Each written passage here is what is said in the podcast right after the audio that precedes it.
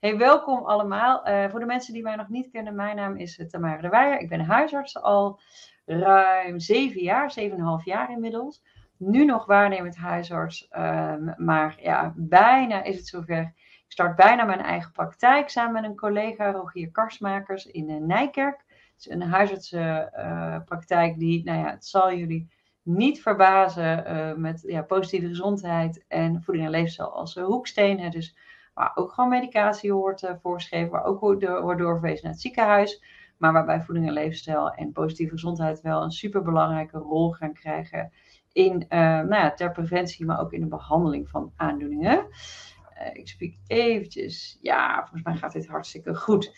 Ehm, nou, ik vind het ongelooflijk leuk. Ik heb heel veel zin in vanavond. En uh, deels omdat het gewoon hele leuke dames zijn, Willemijn en Karen. Maar deels ook omdat het de eerste keer is dat ik dermatologen spreek. Die zeggen, ja, leefstijl is super belangrijk bij darmaandoeningen. Of bij darmaandoeningen, bij huidaandoeningen. Kijk, zie je nou, dus zo uh, niet gewend ben ik om het uit te spreken. bij huidaandoeningen. Uh, dus nou, ik ben ongelooflijk blij dat jullie er zijn, Willemijn en, en Karen. Um, ja, voor mij, Willemijn, ben jij de bovenste. Willemijn Plokker, hè, dus uh, dermatoloog. En Karen Houtman. Dus uh, degene zonder bril is Willemijn. En degene met bril is, is Karen. Even om het makkelijk te maken. We, mogen elkaar gewoon de voornaam noemen. Um, nou ja, en volgens mij, ja, jullie hebben twee prachtige praatjes klaarstaan. We zijn er weer tot negen uur. Um, dus ja, stel je vraag gerust. Willemijn heeft eerst een praatje. Heb je nou vragen? Stel ze in de chat. Um, na jouw praatje hebben we even kort een blokje ook om die vragen te beantwoorden. En uh, daarna, Karen, heb jij nog een, een praatje ongeveer van een kwartier, 20 minuten. En daarna hebben we nog een blokje voor vragen. Stel nu dat die vastloopt. Um, hè, dan ligt het vaker in verbinding. Druk dan op de knop opnieuw verbinden. Je krijgt na afloop krijg je ook weer de opnames toegestuurd. Dus stel nou dat het echt allemaal niet lukt en nou ja, geen idee, je computer heeft er echt helemaal geen zin in, dan geen nootje krijg na afloop krijg je sowieso de presentaties en de praatjes toegestuurd. Nou, dan uh, rest mij niks anders dan jullie veel plezier te wensen. Dan ga ik even jou een nieuwe presentatie en dan moet ik hier aan. Dan gaat mijn beeld even uit en mijn geluid ook zo meteen, uh, meteen. En dan wens ik jou veel plezier, Willemijn. Dankjewel, Tamara. Super leuk om uh, vanavond een stuk mogen te vertellen van uh, waar Karin en ik samen mee bezig zijn. Zoals gezegd, ik werk als dermatoloog samen met Karin in Dermahaven in Rotterdam. dat is buitenpolie van het Erasmus.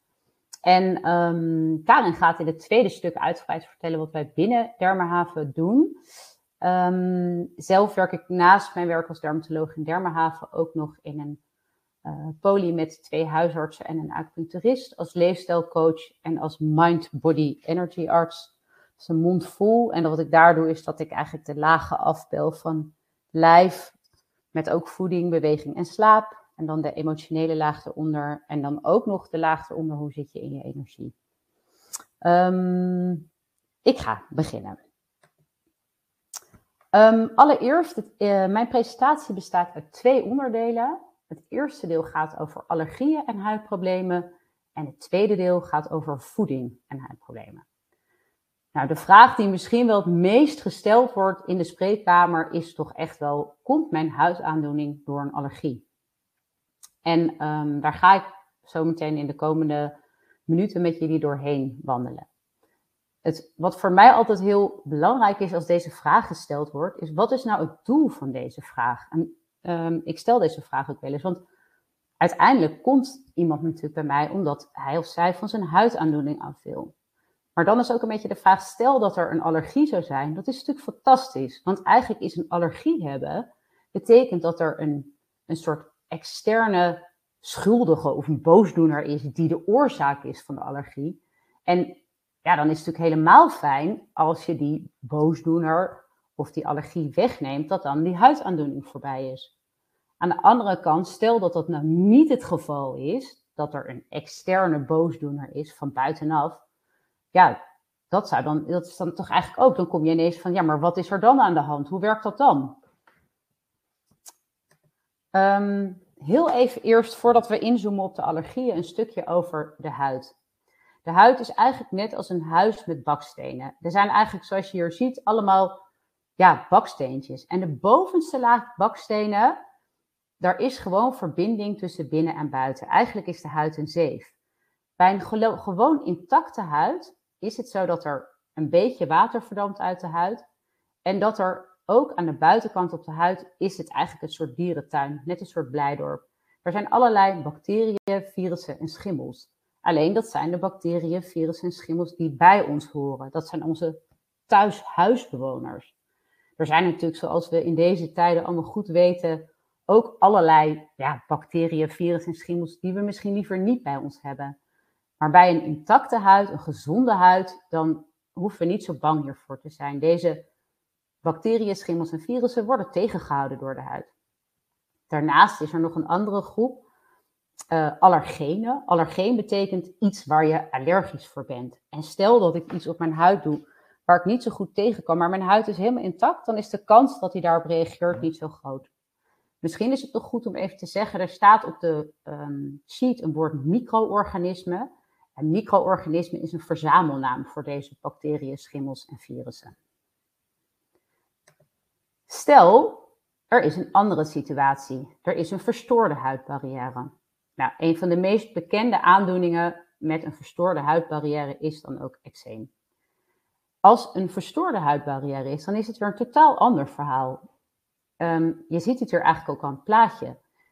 We bestaan als mens ongeveer voor 75% uit water. En dat is, in de huid is ook enorm veel water aanwezig. Maar als die barrière verstoord is, dus als die bakstenen los liggen, dan verdampt er ineens enorm veel water uit de huid. En als dat water uit de huid verdampt, dan is het eigenlijk een beetje logisch gevolg dat die huid ervan droog wordt. En dat soms zien we dat ook heel duidelijk bij mensen. Dat ze eerst, of bij kinderen soms ook wel, eerst een droge huid hebben. En als dat doorgaat, dat er dan in een latere fase eczeem komt. Ehm, soms is er natuurlijk ook meteen eczeem, maar dat is zeker ook wel uh, dat er eerst droogte is en dat het uiteindelijk dan echt eczeem wordt. Dus water wat verdampt, dat leidt tot droogte van de huid. Aan de andere kant is als er een verstoorde huidbarrière is, dus de bakstenen liggen los, dan kan het ook zo zijn dat als ik dan ineens een bacterie, een schimmel of een virus of iets heb waar ik eigenlijk niet zo goed tegen kan opdoen, dat mijn huid dan enorm gaat reageren. Um, een belangrijk onderdeel van de behandeling van eczeem bestaat, en dat denk ik dat dat nu ook heel logisch is als je dit plaatje snapt waarin die barrière van de huid verstoord is, dus die huid eigenlijk nog veel meer een zeef is met wijde openingen, is dat er dan ook een vette zalf op de huid wordt gesmeerd. Een vette zalf is puur preventie, dus voorkomen voor de toekomst en een beschermlaag. Het doet niet iets op het proces in de huid, maar het is wel echt een bescherming. En daarbij is nu ook heel duidelijk met dit plaatje, er verdampt minder water uit de huid, dus de huid is ook minder droog. Nu twee situaties. Stel, er is rust. Er is van buiten, alles is helemaal pais en vrij. Prachtig, niks aan de hand. Dit is een huid, wat haren, de bovenste laag van de huid die een beetje roze is en de onderste laag van de huid die gelig is. In die laag daaronder zie je rode en blauwe lijntjes. Dat zijn de bloedvaten. Nou, prachtig, niks aan de hand. Stel, er is een andere situatie. Er is daadwerkelijk een gevaar van buiten. Bacterie, een virus, een schimmel, misschien een muggif. Wat gebeurt er dan in de huid? In de huid, dat rode of dat blauwe bloedvaatje, is een beetje afhankelijk um, nou ja, hoe je dat wil zien, maar daar gaan we het nu niet over hebben. Dat bloedvat dat gaat wijd openstaan.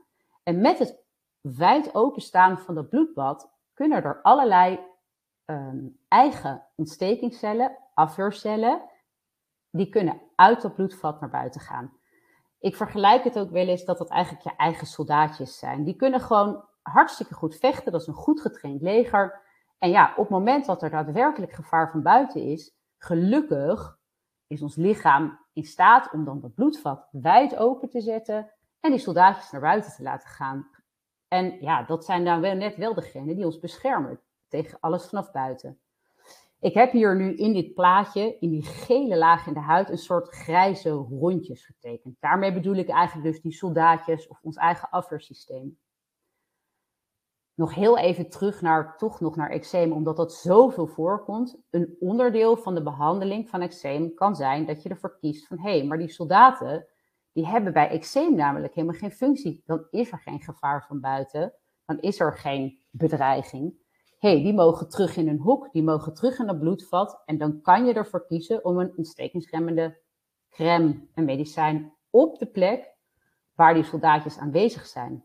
En hoe zie je dat nou aan de buitenkant? Ja, dat zie je doordat er aan de buitenkant roodheid en schilfering is. En eigenlijk bij eczeem dan ook altijd jeuk.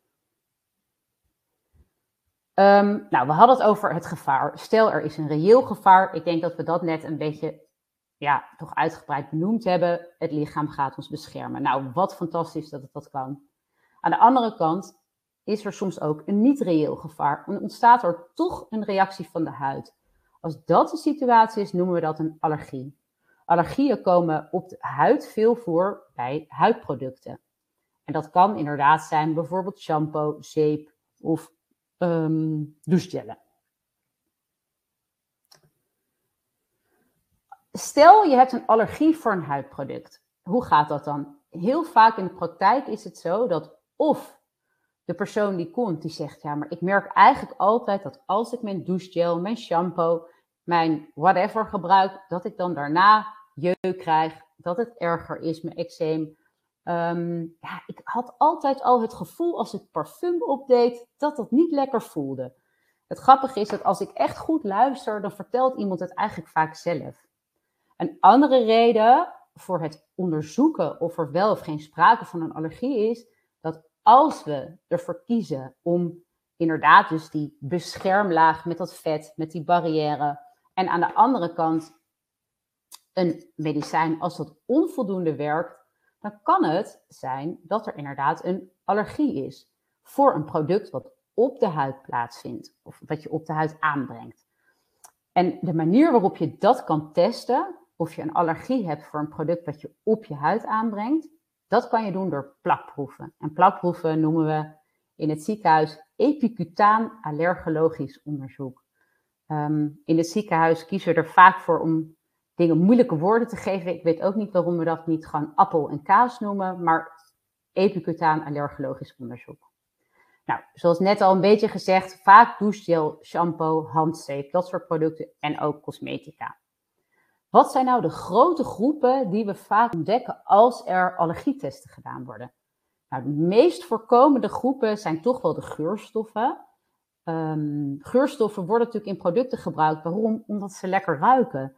En ergens gaat er, als je weer die, die zeef die de huid is voor je ziet, ja, als je heel vaak geurstoffen gebruikt, dan kan het zijn dat er zo'n loepje aangaat, dat onze eigen soldaatjes, ons eigen afweersysteem gaat vechten tegen die geurstof. Dat hij die herkent als, hé, hey, daar is een gevaar. Hetzelfde geldt voor conserveringsmiddelen. Waarom zitten er nou conserveringsmiddelen in um, cosmetica? Stel dat ik een, um, nou, een douchegel koop en er zit geen conserveringsmiddel in.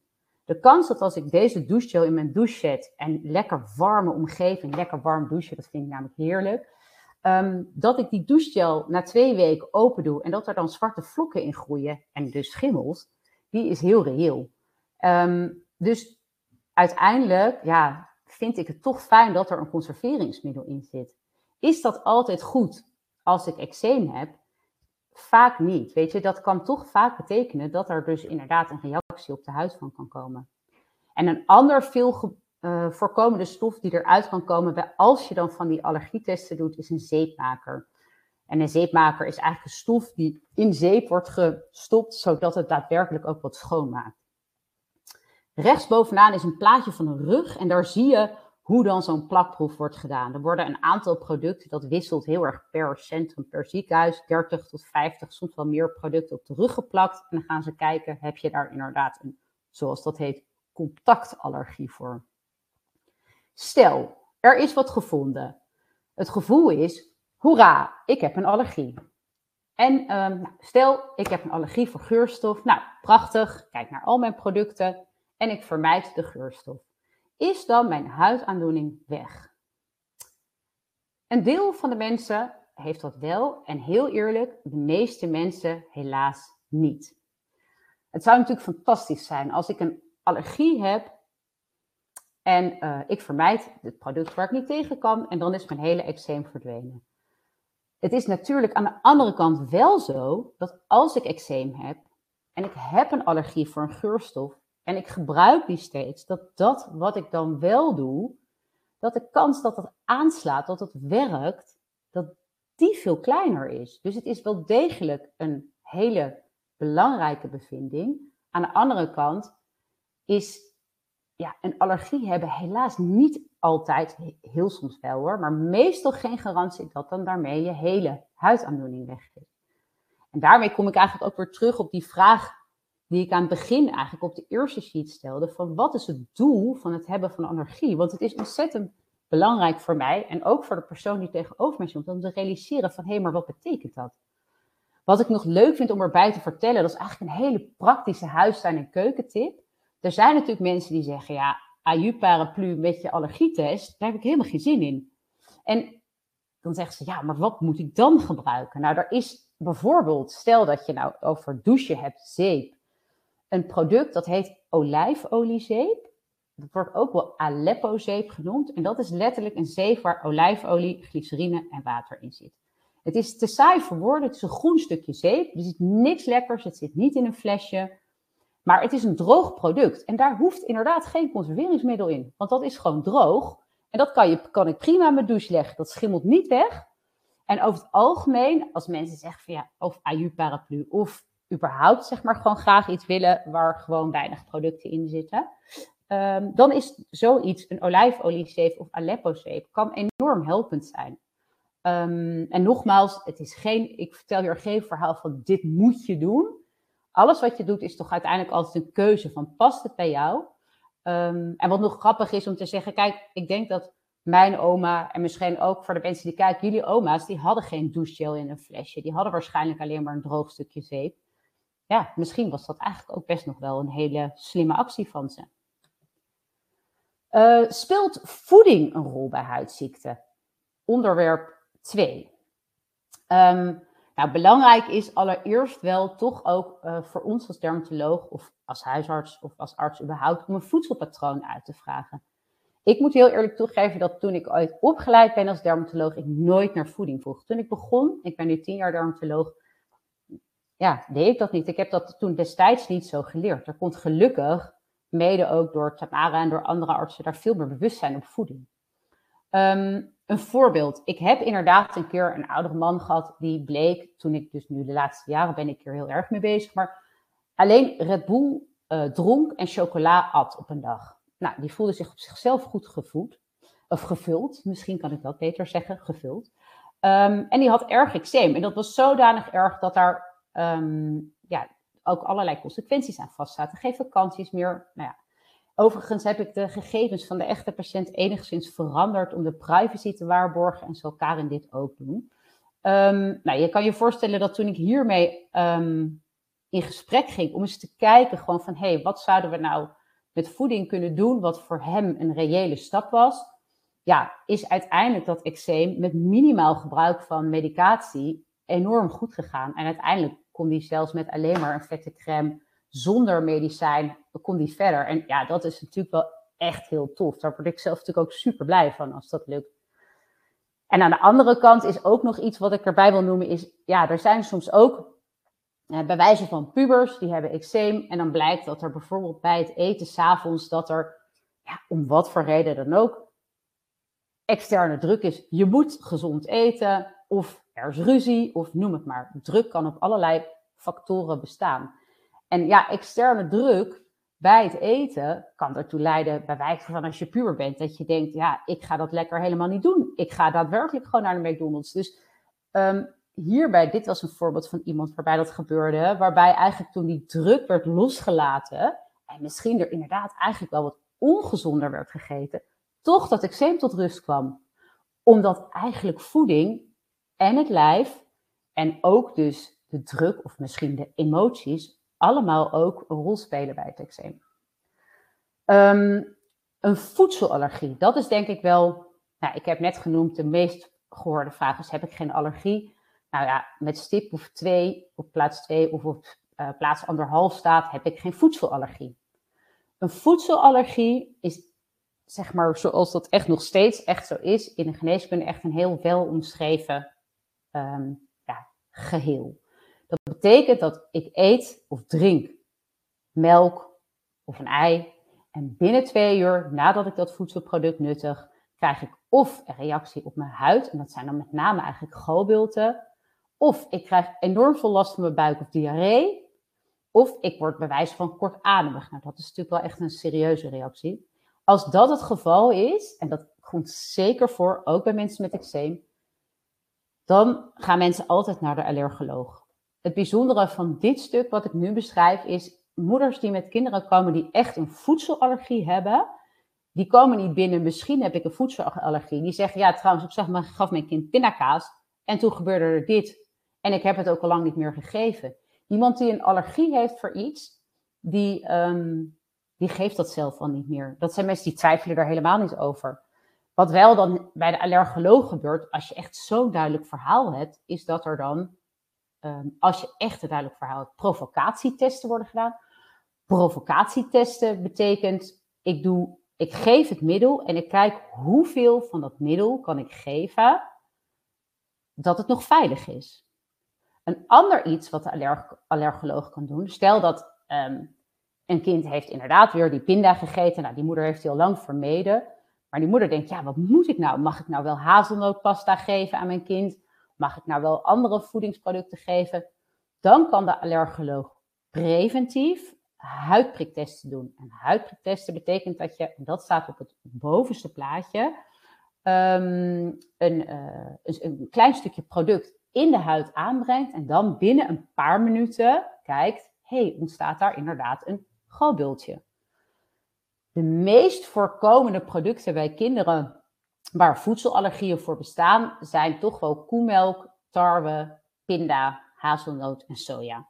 En dit vraag ik meestal ook bij uh, kinderen als er iets in het verhaal naar boven komt van is er sprake van een voedselallergie, van hoe gaat het met deze voedingsmiddelen? Kan je dat gewoon eten? Krijg je dan binnen twee uur klachten? Um, en dan weer de vraag, ja, misschien ruiken jullie me al een beetje, maar stel, ik heb een kindje met eczeem en het kind heeft een koemelkallergie. Of het kind heeft een pinderallergie. Is mijn huidaandoening dan helemaal weg? Nou, hier geldt eigenlijk er precies hetzelfde voor. Ja, natuurlijk zijn er kinderen die een koemelkallergie hebben en die zeggen, nou, ik heb geen koemelk meer en mijn eczeem is weg. Maar de meeste kinderen niet. Want uiteindelijk is een uh, koemelkallergie is niet de oorzaak van het eczeem. Zeker niet als we, waar we aan het begin van het verhaal mee begonnen. Er zitten natuurlijk veel meer factoren. Er zit natuurlijk die barrière, Um, het zit natuurlijk de ontstekingscellen in de huid zelf. Er zit natuurlijk nog die emotionele component. Nou ja, dus zo zijn er veel meer factoren die een rol spelen bij eczeem. Um, dus helaas is het ook niet zo dat een voedselallergie, dus het vermijden van hetgeen waar je allergisch voor bent, altijd leidt tot dat je eczeem dan weg is.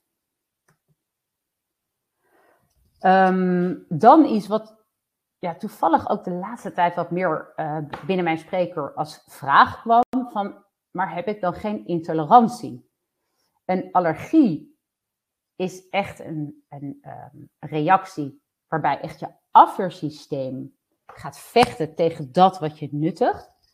En intolerantie is echt een niet-allergische reactie. Je kan zeggen, uiteindelijk is het een naam, hè? maar goed, het is, het is niet een allergie. Het is echt wat anders. Want wat is een intolerantie? In het lichaam hebben we allemaal stofjes, enzymen, die helpen bij het omzetten van het product van de ene kant naar een andere kant. Dat het lichaam het makkelijker kan gebruiken, bijvoorbeeld, om er energie van te maken, bijvoorbeeld. Nou, wat is nou de meest voorkomende vraag over intoleranties? Is een lactose-intolerantie, want lactose komt voor in koemelk. En bij een lactose-intolerantie mis je of helemaal of heb je minder een enzym, dus dat stofje wat helpt bij het omzetten van dat lactose, zodat we daar ook echt wat mee kunnen in ons lichaam, mis je een stuk van dat, of stuk, uh, een bepaalde hoeveelheid, dus mindere mate aanwezig van dat enzym. En zo kan je lichaam de melksuiker, en dat is de lactose, niet goed omzetten en dus niet goed gebruiken. Wat voor klachten geeft de lactose-intolerantie? Winderigheid, diarree, verstoppingen en buikpijn. En uiteindelijk is het zo dat uh, het is dus ook met een lactose-intolerantie niet zo dat je direct kan zeggen: Oh, dan is dat dus de oorzaak van mijn eczeem. Het is weer een beetje herhaling wat ik nu inmiddels vertel. Maar, um, en natuurlijk is het zo dat als jij continu uh, heel veel melk drinkt en je hebt een lactose-intolerantie, dan krijgt je lichaam daar natuurlijk hartstikke stress van. Van buikpijn voel je je natuurlijk helemaal niet lekker. En dat kan natuurlijk wel degelijk zijn dat daarmee er een of moeilijker te behandelen eczeem of een erger eczeem ontstaat. Wat ook voor mijzelf heel fijn is, want ik ben zeker geen lactose-intolerantie-expert, want ik ben dermatoloog en dat doen toch vaak uh, of kinderartsen of internisten of allergologen. Maar wat heel fijn is om uit te vragen, is als iemand goed kan tegen karnemelk of yoghurt of harde kaas, dat zijn uh, zure melkproducten en niet goed tegen melk kan, ja, dat is inderdaad wel, um, hoe noem je dat, suggestief, zeg maar. Dus dat, dat zou dan wel kunnen dat dat in het kader is van een lactose-intolerantie. Um, ja, wat is nou een passend voedingspatroon voor een huidpatiënt? Ja, dan ga ik ook weer terug naar, ik kan als dokter gaan zeggen, ik ga jou vertellen wat je moet doen. Maar dan ga ik misschien wel hetzelfde doen als dat voorbeeld wat ik noemde van die ouders die zeiden dat dat kind zo gezond moest eten. Als ik ga zitten met mijn witte jas en ik zeg, nou, jullie gaan nu allemaal links wandelen, dat werkt niet. Dus het begint eigenlijk met de vraag, wat wil je? Wil je iets veranderen met je voeding? Is voeding datgene binnen jouw huid waar jij mee aan de bak wil? En bij wijze van, ik kan het echt het allerprachtigste model hebben voor voeding en zeggen, nou dit, dat kan je doen. Maar als je inderdaad, zoals het andere voorbeeld wat ik noemde van die oudere meneer die inderdaad Red Bull had en chocola, dan kan ik echt een fantastisch uh, voedingsplan voor maken. Maar bij deze persoon was het gewoon genoeg om Red Bull en um, chocola te blijven eten en drinken en iets toe te voegen. Wat voegde hij toe? Groente, water, um, een stukje vis. Dus iets toevoegen en helemaal niet eens wat weg te laten. En dat was dus gewoon wat op dat moment passend was. Want als ik dat had gezegd, ja, je mag dat nu helemaal weglaten, dan had hij misschien wel gedacht, nou, deze dokter ga ik nooit meer heen, want die duwt mij in een hoekje waar ik helemaal niet in wil. En de vraag is, wat wil je bereiken? Want het is wel degelijk zo dat ik echt een uh, deel van de patiënten heb die met voeding aan de bak zijn gegaan, die echt helemaal hun eczeem kwijt zijn.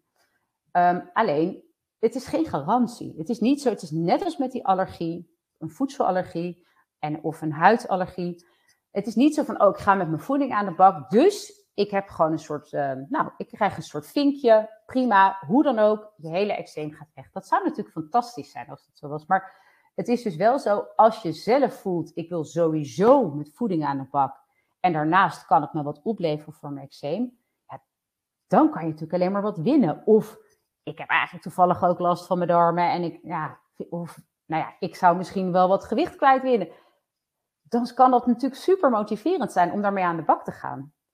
En dan is er ook nog iets, welke methode word je blij van? Want ik heb inderdaad mensen op de polygat die zijn gaan intermittent vasten. Dus dat betekent een deel van de dag niet eten en een deel van de dag wel eten. Er zijn mensen die zijn minder koolhydraten, dus minder suikers, koekjes, pasta, brood, snoepjes gaan eten. Um, ik heb ook mensen die zijn met het programma van Tamara mee gaan doen online. Um, alles is mogelijk, weet je. En het gaat er natuurlijk om welke methode past bij jou.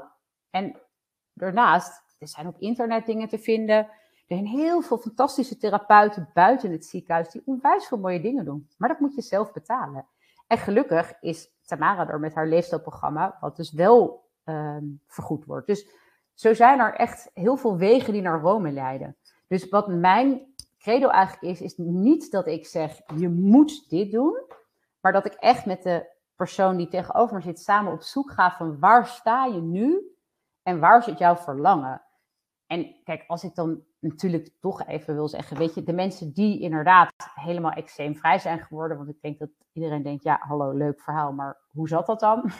dat zijn inderdaad wel de mensen die zijn inderdaad over het algemeen of gaan vasten of inderdaad vers gaan eten, minder koolhydraten, dus minder suikers, brood, pasta, meer eiwitten, dus vlees, vis en gezonde vetten. Dus het, dat is dan wel, als ik dan algemeen wat zeg, zijn dat wel de basisdingen. En ook, we begonnen het verhaal met die huid waar water in zit, water drinken. Dus stel, ik doe het zelf ook, ik drink heel veel koffie, maar ik probeer dan altijd een glas water naast mijn koffie neer te zetten. Want die koffie ga ik ook niet wegdoen, maar ik voeg wel water toe. Ehm, de laatste sheet. Ehm, nou ja, ehm, let op de barrièrefunctie van de huid. Je kan een medicijn gebruiken voor de ontstekingscellen. Cosmetica kunnen een rol spelen. Een voedingsallergie hoort, is echt alleen bij bepaalde klachten. En een voedingsaanpassing is wat past bij jou, waar word je blij van. En wees je bewust van het feit dat emoties en externe druk een rol kunnen spelen. Ja, zet ik ook even mijn microfoon uit. Ja, fantastisch. Dankjewel uh, Willemijn. Uh, ja, ik, nogmaals, ik ben zo blij dat jij als dermatoloog, jullie als dermatologen hierin vast hebben gebeten. En ik hoop echt dat, nou, nu is het nog redelijk nieuw. Ik denk dat weinig mensen die eh, zijn die zeggen van, oh, mijn dermatoloog eh, had het heel erg over leefstijl. Ik ben heel erg benieuwd, laat het even in de chat weten. Hè, als je, heb je een huidaandoening uh, zo ja, welke wil je nog specifieker uh, dingen, dingen weten? En heb je het met je dermatoloog eens over leefstijl gehad? En wat ik heel mooi vond in je verhaal was, hè, je kan soms zeggen, nou je moet dingen weglaten, maar soms is het ook wel goed om dingen toe te voegen. Hè, en hoef je, en daardoor krijg je misschien wat minder weerstand. En ik denk, nou ja, dat, is, dat zal voor de een heel anders zijn dan de ander. De een vindt het heerlijk om te denken, nou ja, ik gooi alle slechte producten eruit. Ik ga helemaal gewoon strak, ga ik koolhydraten beperkt eten. Of ik ga vasten. Of hè, uh, ik ga mijn hele voedingspatroon rigoureus omgooien. En bij de ander werken kleine stapjes veel beter. Dus ik denk dat dat is wel iets wat, nou, wat je heel erg mooi aan hebt gegeven. Dat is heel persoonlijk. Ja, en hier blijft, en dat is ook een van de, de hoekstenen van uh, ons programma, is wees je eigen onderzoeker. En kijk wat bij jou past, wat voor jou goed voelt, waarvan jij effect ook ziet. Hè. Dus best wel lastig, heb ik gemerkt. Ehm, ik weet niet wat jouw ervaring daarbij is, om heel hard wetenschappelijk bewijs te krijgen voor welk voedingsmiddel precies huidaandoeningen heeft. En dat is natuurlijk ook, ja, omdat wij heel vaak willen wij een, een, een heterogene groep, dus dat dat is of een homogene groep, dus een groep die zoveel mogelijk hetzelfde is, zijn vaak gezonde uh, uh, mannen, uh, niet te oud, niet te jong. Ja, maar iedereen is natuurlijk anders en iedereen heeft een andere samenstelling en iedereen heeft een ander microbioom. Dus ja, ik denk dat het best wel moeilijk is om te zeggen, nou, er is één voedingspatroon. Nou, als je dat gebruikt, maar ik denk wel wat je heel mooi aangaf, hè, echt uh, suikers, uh, dus minder suikers, meer groenten, wat minder koolhydraten, met name de snelle koolhydraten. Ja, dan kan voldoende drinken, dan, dan kom je toch al best wel een heel, heel eind. Um, ik heb van uh, Salima heb ik een goede vraag nog uh, tussendoor. Is uh, welke producten moet je vermijden bij rosacea? En dat zijn natuurlijk met name dus die nou, ontstekingen die vaak toch hier zitten. Soms hebben mensen het ook wel volgens mij bij, bij de kin. wat, ja, heb je daar nog een advies voor? ja, nou wat, wat leuk is om te weten, bij, wij zeggen dan rosacea, maar rosacea, rosacea ja. Ja, dat is ook altijd weer zo grappig dat wij kiezen dan er weer voor om het op een bepaalde manier uit te spreken. Maar het gaat gewoon, ik snap heel goed wat je bedoelt, uh, Salima. Um, wat het is, er zit een, uh, hier is precies voor hetzelfde verhaal, er zit een, bij, deze aandoening een um, mijt in de haarzakjes. En die is meer aanwezig, die hoort gewoon bij ons. En omdat die meer aanwezig is, gaat het lichaam daar weer ontsteking op maken en de, de bloedvaatjes openzetten. En wat maakt dat die meid, waar doet hij het ontzettend lekker op, over het algemeen? En dat zijn allemaal weer een beetje zo van die algemene dingen. Maar toch eigenlijk wel hetzelfde als wat ik net zei. Toch ook, weet je, die gaat echt super lekker op als we heel veel suikers gaan eten. En sommige mensen merken natuurlijk juist specifiek bij deze aandoening ook dat rode wijn um, en zeg maar, uh, als het ware, zeg maar, um, dus alcohol, maar ook soms uh, producten